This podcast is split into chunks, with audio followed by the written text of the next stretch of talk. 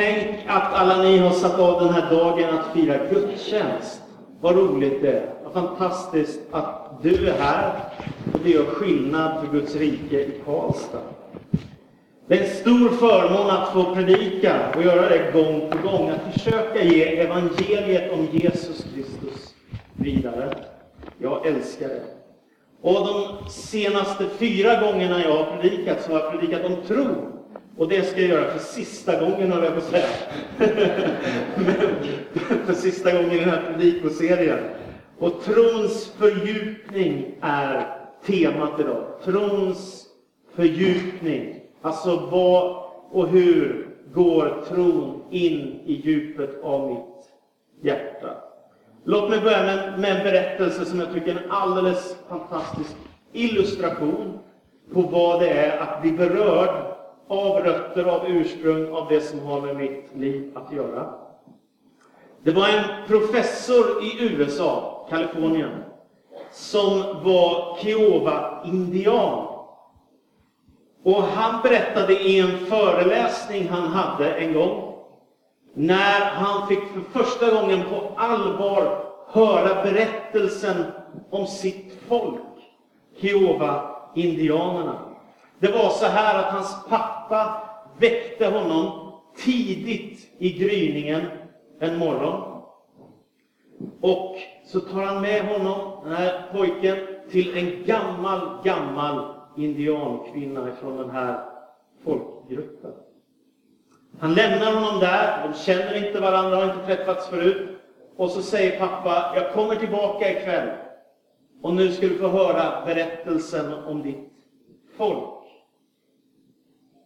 Och så äter de lite tillsammans och sen börjar den här gamla indiankvinnan att berätta berättelsen om Kiowa-folket, den här indianstammen. Hon berättar om deras ursprung vid Yellow River. Hon berättar om hur de flyttade söderut när det saknades resurser. Hon berättar om eh, svårigheter som de har gått igenom. Tuffa snöstormar som har kommit. Andra indianstammar som de har tvingats in i konflikt och krig och strid med. De, hon berättar om buffeljakter och hon berättar om hur man har tänt vildhästar. Hon berättar om modiga, järva ryttare som snabbt rider fram över savannen. Till slut berättar hon också om när den vite mannen kom och fördrev dem ifrån deras land och de fick flytta till Kansas där de drabbades av fattigdom och ganska svåra omständigheter. Och så till sist så berättar de hon om hur förödmjukade de blev när de tvingades leva i ett reservat i Oklahoma. De gör en resa genom USA till slut med tvång. Hela dagen sitter den här kvinnan och berättar berättelser om Kiowa-indianerna för den här lille pojken. När kvällen kommer så kommer pappa och hämtar sin son som har fått en hel dag tillsammans med en gammal indiankvinna. Och så säger den nu vuxne professorn i sin föreläsning så här. När jag lämnade det där huset så var jag en Kiowa-indian. Innan hade jag varit det till namnet. Men den dagen när jag gick därifrån så förstod jag vilket folk jag tillhörde och vem jag var. Jag tycker det är en intressant illustration på vad det handlar om att bli kristen på riktigt. Vad det handlar om att öppna sitt hjärta för Gud, att öppna sitt hjärta för Jesus Kristus och bjuda in honom och bjuda in trons, öppna upp sig till trons värld och börja leva med Gud som utgångspunkt. Den som öppnar sitt hjärta för berättelsen som finns i Bibeln. Den här boken som tar oss på en gigantisk resa från skapelsens begynnelse till den sista dagen när Jesus kommer tillbaka. Den som hör den berättelsen tar in den i sitt hjärta och låter den landa på djupet. Den människan kan aldrig mer bli densamma. Alltså man blir bildligt talat en Kiowa-indian, man blir kristen och det sätter sig djupt in i hjärtat. Så var det för mig när jag var 17 år gammal. Jag blev jätteberörd av Gud. Jag hade inte alls vetat vad jag skulle leva för och vad min livsinriktning var. Jag hade väl kanske alltid trott på Gud, men först någonstans där, sommaren, efter att jag har fyllt 17 år, så gör jag gudsupplevelser och gudsmöten som fullkomligt vänder upp och ner på mitt liv och som har präglat mig sedan den dagen. Man blir aldrig mer densamma. Hjärtat drabbas av Gud. Och jag tänker att det är det här som är den stora hemligheten. Det är att bli överväldigad av Gud, av vem han är och vad han kan göra. Att bli intagen av hans kärlek, det är omvälvande. Och jag tänker att en sund kristen är tokig i Gud. Det är det som är grejen. Att börja älska Gud av djup, från djupet av hjärtat. Det är en väldigt stor sak. Det går inte att förklara. Det kan bara erfaras. Det här är trons hemlighet. Låt mig ge tre exempel ifrån Bibeln när det här händer. Att människor blir helt överväldigade av Gud. Kort. Jakob i Gamla Testamentet, barnbarn till Abraham. En dag så står det att han brottas med Gud. Och sen kommer den här bibeltexten då. Jakob svarade, jag släpper dig inte förrän du välsignar mig. Och han frågade honom, vad är ditt namn? Jakob svarade han. Då sa han, ditt namn ska inte längre vara Jakob utan Israel, ty du har kämpat med Gud och människor och segrat. Jakob bad honom, låt mig få veta ditt namn. Och han svarade, varför frågar du mig om mitt namn? Och han välsignade honom där. Och Jakob kallade platsen Penuel, ty han sa, jag såg Gud ansikte mot ansikte och ändå skonade, skonades mitt liv. Här är en människa som brottas med Gud. Ett obeskrivligt mysterium, något ofattbart. En människa som kommer så nära Gud att det blir som en brottningskamp. Och han säger, jag släpper inte med mindre än att du välsignar mig. Och så välsignar Gud honom. Ett exempel till. Maria Jesu mor. Kan man tänka att någon människa i världshistorien har haft ett större uppdrag än att föda Messias, världens frälsare? Hon får ett budskap ifrån en ängel. Du ska föda en son. Du, du, är, du ska bli havande. Helig ande ska komma över dig. Du ska föda en son. Du ska ge honom namnet Jesus. För han ska frälsa sitt folk från deras synder. Och när Maria kommer till sin kusin Elisabet som ska föda Johannes döparen, så brister hon ut i tacksägelse över Guds godhet och storhet. Lyssna! Min själ prisar Herrens storhet. Min ande jublar över Gud, min frälsare. Han har vänt sin blick till sin ringa tjänarinna. Från denna stund ska alla släkten prisa mig salig. Stora ting låter den mäktige ske med mig. Hans namn är heligt och hans förbarman med dem som fruktar honom vara från släkte till släkte. Han gör mäktiga verk med sin arm. Guds storhet.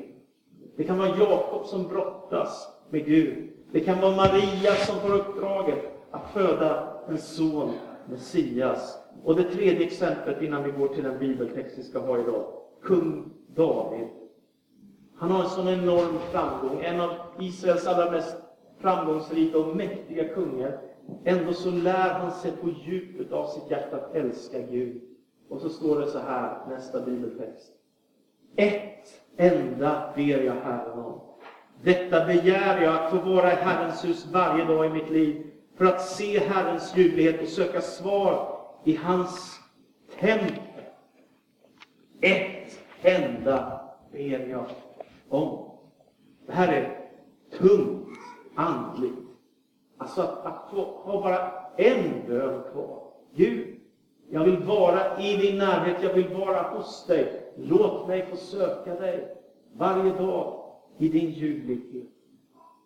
Så kan en människa drabbas av Gud, brottas med Gud, få världens största uppdrag, som Maria, eller bara förstå Gud är så stor, jag måste bara få vara i din närhet. tron. Hur föds den här tronen? Det ska vi läsa om nu i dagens bibeltext. Romarbrevet kapitel 10, vers 8. Romarbrevet 10 och 8. Häng med. Ordet är nära dig, i din mun och i ditt hjärta. Det vill säga trons ord, det som vi förkunnar. Ty om du med din mun bekänner att Jesus är Herre och i ditt hjärta tror att Gud har uppväckt honom från de döda, ska du bli räddad. Hjärtats tro leder till rättfärdighet och munnens bekännelse till räddning. Skriften säger ju, ingen som tror på honom ska stå där med skam. Det är ingen skillnad på jude och grek, alla har samma Herre, och han som ger av sin rikedom åt alla som åkallar honom. Hur var och en som åkallar Herrens namn ska bli räddad. Men hur ska de kunna åkalla den som de inte har kommit till tro på? Och hur ska de kunna tro på den som de inte har hört? Hur ska de kunna höra utan att någon förkunnar? Hur kan någon förkunna utan att vara utsänd? Det står skrivet, skönt ljuder stegen av dem som bär bud om goda ting. Men alla lyssnade inte till budskapet. Jesaja säger, Herre, vem satte tro till det vi förkunnade? Så bygger tron på förkunnelsen och förkunnelsen på Kristi ord. Den här bibeltexten handlar om tro, om trons ord, om hjärtats tro. Det vill säga, det här är inte bara ett historiskt budskap, där Jesus levde för länge sedan i historien och trampade på gatorna i Galileen och Jerusalem. Utan det här handlar om att den som öppnar sitt hjärta för evangeliet, för Jesus Kristus, får honom som frälsare här och nu, genom tro, eller genom dopet i vatten, eller överlåtelsen till Gud. Att bekänna Jesus Kristus som Herre, det är den frälsande tron. Och det är urkyrkans bekännelse. Och därför var det så, när man predikade, så var det budskapet om Jesus, omvändelse och tro på Kristus och dop i vatten och ett liv i lärjungaskap, att följa Jesus. Och här finns ett fantastiskt löfte. Varenda en som åkallar Herrens namn ska bli räddad. Varje människa som ropar till Gud ska bli frälst. Varje människa som åkallar Jesus Kristus som Herre har ett löfte om räddning. Det här är ett fantastiskt budskap. Ibland kan det vara en ung människa som ger sitt hjärta till Jesus. Ibland är det en människa som ligger på sjukhuset i sin sista livssträcka och ber Herre, förbarma dig över mig. Jesus, ta emot mig. Var och en som åkallar Herrens namn ska bli frälst. Så enkelt är det. Hur ska man då definiera tron? Jag har läst jättemycket om tro här i veckan. Så nu ska ni få sju definitioner på tro. Känns det bra? Tron är grunden för det vi hoppas på. Den ger oss visshet om det vi inte kan se. Det här tycker jag är viktigt. Hebreerbrevets elfte kapitel, trons kapitel. Alltså vi säger ibland, eh, i svenskan så säger vi, tror du att, ungefär som att jag har ingen aning, jag gissar. Eller jag tror att hon kommer klockan fem, men det kan lika gärna vara klockan sex. Det vill säga, det är någon slags total ovisshet, jag har ingen aning, men jag tror. Men det är inte detta som är biblisk tro, utan biblisk tro bygger på en uppenbarelse ifrån Gud. Att Gud själv i historien gång på gång har gjort nedslag hos profeterna, hos de som Gud har kallat både apostlar och lärjungar. Jesus, Guds son, har visat sitt ansikte, det gudomliga, i världen. Så tron är grunden för det som vi hoppas på. Den ger oss osäkerhet, står det så? Nej, det står den ger oss visshet att det vi inte kan se är på riktigt. Det är det som det handlar om. Tron ger oss visshet om det vi inte kan se. Eller ännu tydligare hos Johannes. Detta skriver jag till er för att ni ska veta att ni har evigt liv. Inte hoppas, veta. Så här står det i illustrerat bibellexikon. Tron förstås i Nya Testamentet som människans ja till Guds ord och Guds gärningar. Nästa bild. Trons väsen, John Piper, det är att vara helt tillfredsställd med allt Gud är för oss genom Jesus. Det är jättebra, eller hur? Var helt tillfredsställd, det här är fantastiskt att ha med Gud att göra. Jag satt och pratade med min fru här vid, vid lunchbordet och så sa min kära hustru, tänk vad ensamt det är för människor som inte har en tro på Gud när livet blir tufft. Ungefär så sa hon, jag tyckte det var bra sagt.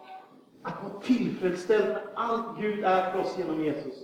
Evelyn Underhill hon skriver så här. Tro är inte en flykt från verkligheten. Det kräver att vi möter verkligheten med alla sina svårigheter, möjligheter och komplikationer. Det vill säga, tron landar rakt in i vardagslivet, i den vanliga vardagen, att Gud är med dig i dina omständigheter. John Guichot, pastor i världens största pingstkyrka och världens största församling överhuvudtaget. De är 830 000 medlemmar i Seoul i Korea. Och han var buddhist från början, men det var en ung kvinna som kom och vittnade för honom när han var sjuk i tuberkulos. Och så blev han frälst. Och så blev han pastor för världens största församling efter 30 år ungefär. Tron är en kraftfull andlig verklighet. Trons närvaro går bortom mänsklig beskrivning och fyller en människa med oerhörd glädje och visshet. När du väl har tagit emot denna tro som kan förflytta berg, kan du övervinna oöverkomliga hinder i ditt liv. Tron är mer än förståelse och insikt. Den är mer än ett hopp. Tron är en gåva från Herren. Det är väl bra? Två till. Orkar ni det? Billy Graham, han har predikat för 200 miljoner människor innan han fick flytta hem till Jesus. Världsevangelist. Den kristna tron är inte bara en samling trosatser eller en lista med regler. Det är en personlig relation med den levande guden. Han är nu din himmelske far och du är hans barn. Och A.V. Pink han säger så här. Tro är att sträcka ut en tom hand till Gud för att ta emot hans gåva utav nåd. Det är detta som tro är. Eller hur? Tro är inte en vild chansning, en liten from förhoppning om att det finns en Gud. Utan tro är visshet, övertygelse, tillit, förtröstan på den som har skapat universum. Och hur uppstår då den här tron? Ja, men det är det som Paulus svarar på i den här bibeltexten. Romarbrevet 10 och 17 säger att tron kommer av predikan. Och, och förkunnelsen bygger på Jesu Kristi ord. Det vill säga, vad är det vi håller på med när vi berättar om Jesus i söndagsskolan? När vi predikar om Kristus i gudstjänsterna? När vi sitter och pratar om tro med en arbetskamrat eller en granne eller någon släkting som funderar över livets mening. Vad är det vi håller på med? Jo, vi förmedlar Jesu Kristi ord vidare. Och vad händer då? Precis som Kiowa-indianen insåg, jag är Kiowa-indian. Och nu när jag har hört berättelsen, traditionen, så ska jag också gå in i det här och föra det vidare. På samma sätt med den kristna tron. Abraham, Isak, Jakob, Mose, Rebecka, Sara, Rut, Nomi, alla som har levt historien och så till slut Jesus Kristus och hans lärjungar. Och så är det vi på samma resa, på samma tåg. Hur uppstår tron? Jo, det är ett litet mirakel. Gud kallar på varje människa. Och när evangeliet om Jesus förkunnas, budskapet om frälsning och hopp, då kan Anden verka i ditt inre så att tron på Kristus som Guds son och frälsare föds i ditt hjärta. Är du med? Och det är fantastiskt varje gång det händer. Därför att det gör att ditt liv blir så oändligt mycket större. Jag tycker att livet är ganska smått utan Gud. Är det någon mer som tycker det? Alltså att livet blir ganska futtigt och litet. Till och med med häftiga utlandsresor, eller en ny bil, eller ett nyrenoverat hus, så är det ändå ganska futtigt och litet i förhållande till det gudomliga. Och det är därför som evangeliet är så stort. Det ger ditt liv hisnande perspektiv. Låt mig få berätta en berättelse till. Och det är om eh, en man som heter John Eglund. Han fanns med som diakon i en församling på 1800-talet i Colchester, England. Det är alltså drygt 150 år sedan det här hände.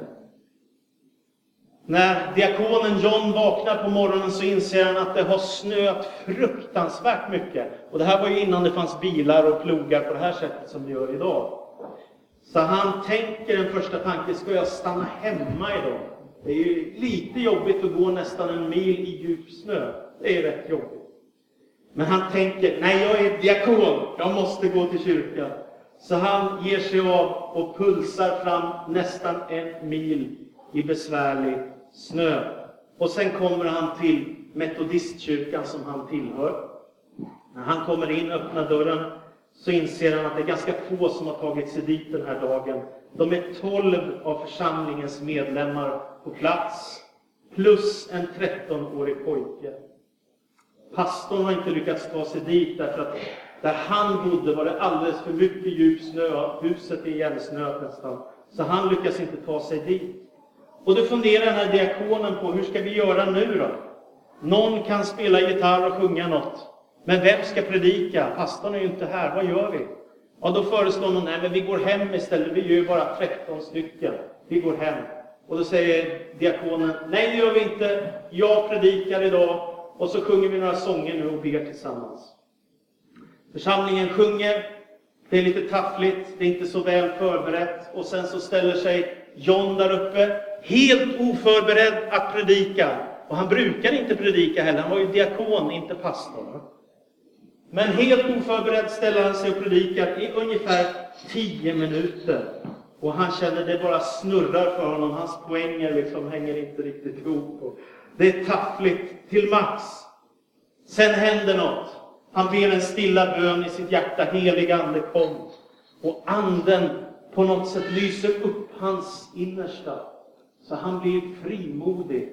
Och så säger han till den unge 13-årige pojken som sitter där i bänken, den enda av dem som han inte kände.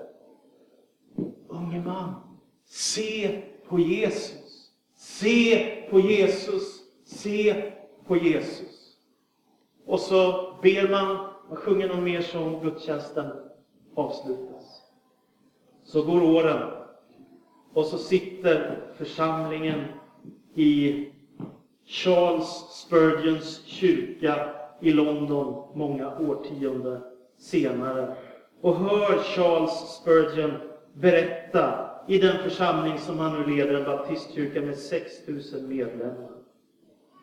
Om när han var en 13-årig pojke och satt på en gudstjänst med 13 personer när det var snöstorm och alldeles igensnöat.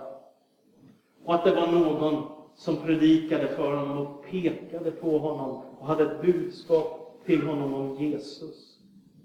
Och så skriver han så här. När jag hörde orden se på Jesus, då såg jag Jesus. Och där och då så lättade det moln som låg över mitt hjärta och mörkret rullade bort och i det ögonblicket var det som att jag såg solen. Tänk om den där diakonen hade tänkt, vi är bara 13 idag, vi går hem. Men istället så vågar han sig på en trosresa och predika utan att vara förberedd. Och en människa blir kallad. Hur ska jag då fördjupa min tro? Till sist nu Sex vägar får du lite kvitt. Hur ska jag fördjupa min tro?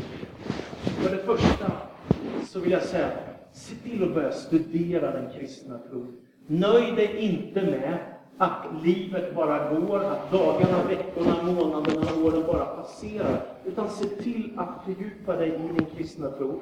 Om du inte visste det så finns det 740 000 ord i Bibeln. Det finns lite att bita i och ta tag i, att fördjupa sig, att växa in i. Det finns miljontals böcker om kristen tro. Och tusentals åtminstone på svenska som du kan lära dig massor av den kristna tron Se till att studera. Det kommer att hjälpa dig att mogna, växa, få mer kunskap, få den kunskap du behöver för att bli räddad. Och jag kan inte med ord beskriva hur mycket det har betytt för mig att brottas med trons frågor, att fördjupa mig, att läsa, att studera, att gång på gång komma tillbaka till Bibeln. Det är en stor lycka för mig. Jag behöver inte säga jättemånga superjaktintressen eller sportintressen. Jag försöker motionera lite, men sen, det här är min stora passion. Därför har jag åtta bokhyllor hemma. Varför har jag det? Därför att jag är så förtvivlat intresserad av Gud och Jesus och Anden och församlingen och frälsningen och kärleken och evigheten. Jag är så oerhört intresserad. Jag är inte nöjd med att leva bara för vad den här världen kan ge mig. Jag tror att det finns något hos Gud som är ojämförligt, enastående. När man är nybörjare så tycker man att det där är ju jättejobbigt. Ungefär som en del som ska börja på universitet och högskola. Oh, en bok på 500 sidor. Det har jag aldrig läst förut. Men helt plötsligt när man har tagit första så klarar man andra och tredje och fjärde och sen vet man massor av mer. Och så kan man bli läkare, eller man kan bli lärare, eller man kan bli sjuksköterska, eller man kan, ni vet. För att man tar sig över de där stenarna. Se till att du fördjupar dig i din kristna tro. Kanske du skulle gå på bibelskola eller distansbibelskola eller börja lyssna på någon podd som de har nu för tiden med massa god undervisning. Se till att fördjupa dig i din kristna tro. Det står om de första kristna att de forskade i skrifterna. Gör det. Det kommer bära frukt i ditt liv. Det andra, vandring. Vad menar jag med det? Jag har tänkt så här. Det är så lätt att man lägger på någon slags andlig tyngd på människors liv. Det skulle kunna stå bön där istället. Men därför har jag skrivit vandring, helt medvetet. Det vill säga, jag tänker så här. Istället för att du ska planera, och nu går jag på en bönevandring, så nu är jag väldigt from här. Jag är så from och ber och ropar till Gud och tittar på skapelsens skön. Det är så lätt att det där bara blir någon gång då och då, eller hur? Eller, eller som Jesus säger, gå in och stäng din dörr i det fördolda, be till din fader i himlen som ser i det fördolda. Det är så lätt att det bara blir då och då. Så här är, min, här är mitt heta tips. Varje gång du är på vandring, säg Tack gode Gud. Tack Jesus. Fader i himmelen.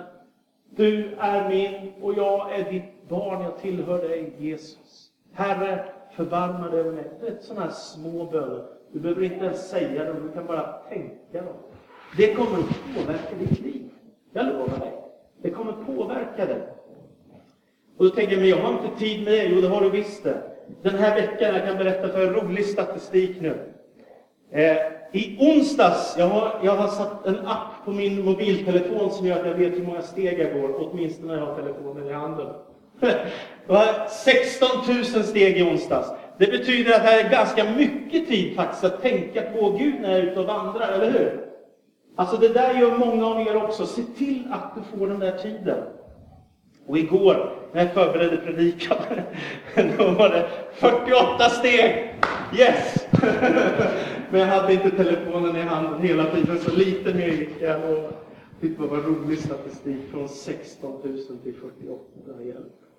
Ja, så är det. Men så är det när man sitter still och förbereder sig och läser. Se till att du får in Gud i ditt liv. Så kommer du märka att det här är ett mirakel. Den helige Ande påminner dig om jag är Guds tempel, jag är Guds barn. Anden bor i mig, jag tillhör Jesus. Det är fantastiskt. Tredje ordet, sabbat. Ett mycket djupt bibliskt ord. Det är en gåva från Gud i skapelsen. När han har skapat världen så säger han att han vilar för ett syfte. Och så säger han till människan, ni ska också fira sabbat. Det är som att hela världen är gjord för att upphöja och ära Gud och för att fira sabbat. Varför blir så oerhört många människor utbrända? En av anledningarna är att man inte firar sabbat. Det vill säga att man inte säger stopp, att man inte stänger av och lugnar ner sig, slappnar av, vilar, tar tid för Gud och bara är. Det behöver man vara. Det ingår i själva skapelsen. Jag kommer aldrig glömma, jag var i Jerusalem och det var fredag. Och när, är, när man är i Jerusalem, i Israel, då är det sabbatsfirande från fredag kväll till lördag kväll. Ungefär så. Och jag stod där, hade samtalat med några vänner, så hade jag mobilen i handen och hade lite bråttom att skicka några sms och grejer. Och så helt plötsligt medan jag står och skickar mina stressade sms, så kommer en judisk soldat fram till mig och så säger han, nu får du lägga ner telefonen, nu är det sabbat. Vilken bra påminnelse. Är ni med? Lägg av med det där ibland. Du behöver inte rädda hela världen, ibland behöver man bara stänga av och få vara i vila och få vara i stillhet, vara inför Gud. Daniel Alm som är pastor i Västerås, han har också sagt så här. Säkra söndagen. Det vill säga boka in i din almanacka gudstjänst i ditt liv. Är det verkligen så många andra saker som är så viktiga att göra att du inte har tid med det? Och tänk efter. Om du går på gudstjänst varannan vecka, då är det 25 gånger på 365 dagar. Det är inte särskilt mycket. Hur ska Gud påverka ditt liv mycket? Är du med? Om du går varje söndag så är det ändå bara 52 gånger av 365 dagar. Är ni med? Alltså det betyder något med vanor i ens liv. Jag firar gudstjänst, jag lovsjunger Gud, jag lyssnar till hans ord, jag ber. Sen vet jag, ibland måste man hälsa på släktingar. Ibland har man jour på arbetet, ibland så måste man åka iväg med barn eller barnbarn. Jag vet, det är inte det jag pratar om. Jag pratar om att säkra söndagen för dig själv, för Guds rikes skull och för din egen skull. Fjärde, andlig vägledning. Sök andlig vägledning. Sök upp människor som du tänker, hon har vandrat längre på trons väg än mig. Han har vandrat längre på trons väg än mig. Om du bara visste hur mycket det har betytt för mig att gång på gång få sitta i samtal med människor som har med Gud att göra. Jag minns när jag var i 30-årsåldern och jag hade sån kamp, för jag kände, vem ska jag vara egentligen som pastor? Ska jag vara sån här evangelist som de där är som pratar om att vinna människor och evangelisera, missionera och bygga församlingar? Eller ska jag vara en sån här teolog som håller på att brottas och grubblar i de djupa frågorna, vem är jag egentligen? Och så sitter jag med en av mina andliga fäder, Hans Johansson, och så säger han till mig, när jag frågar honom om det här, det är inte viktigt, säger han. Jag har sett att du älskar Gud. Du är en gudsdyrkare. Du kan lämna den där frågan. Och så gjorde jag det. Det var enkelt. Jag, jag litade på en gudsmänniska. Se till att möta människor som har med Gud att göra. Det kan vara själavård, det kan vara andlig Det femte, växa grupper. Jag kan inte nog med ord beskriva hur mycket det har betytt att få vara i smågrupp, att få vara i gemenskap med andra kristna genom åren som jag har fått vara i församling. Jag har varit i Norrtälje, i Jönköping och i Karlstad. Att jag har fortfarande kontakt med vänner i Norrtälje, där jag jobbade som ungdomspastor för 20 år sedan drygt. Jag har fortfarande kontakt med de människorna. Vi har suttit vid samma köksbord och bett för varandra och samtalat. Och det där är fantastiskt. Ta vara på den där möjligheten att dela livet med andra. Då vet man när det är tufft kan be för varandra. Då vet man, nu så läser vi ordet tillsammans, nu ber vi, nu tröstar vi varandra, nu stöttar vi varandra. Nu är det någon som behöver lite pengar som ekonomisk kris, vi hjälper den eller den. Är med? Var med i en växelgrupp, en smågrupp. Och till sist, mitt sista råd. Lyssna på kristen musik i din vardag. Det är okej okay att lyssna på lite skvalradio ibland.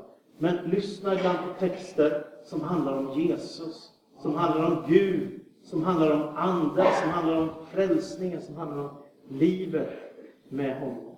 Och jag vill avsluta den här predikan med att berätta om Anthony Showalter. Han fick ett oerhört svårt sorgebesked. Två av hans nära vänner blev änkemän nästan samtidigt. Och han funderade på hur i hela världen ska jag svara mina vänner när de går igenom en så djup sorg och så djup smärta? Och så sätter han sig ner först för att skriva ett brev och sen ett brev till.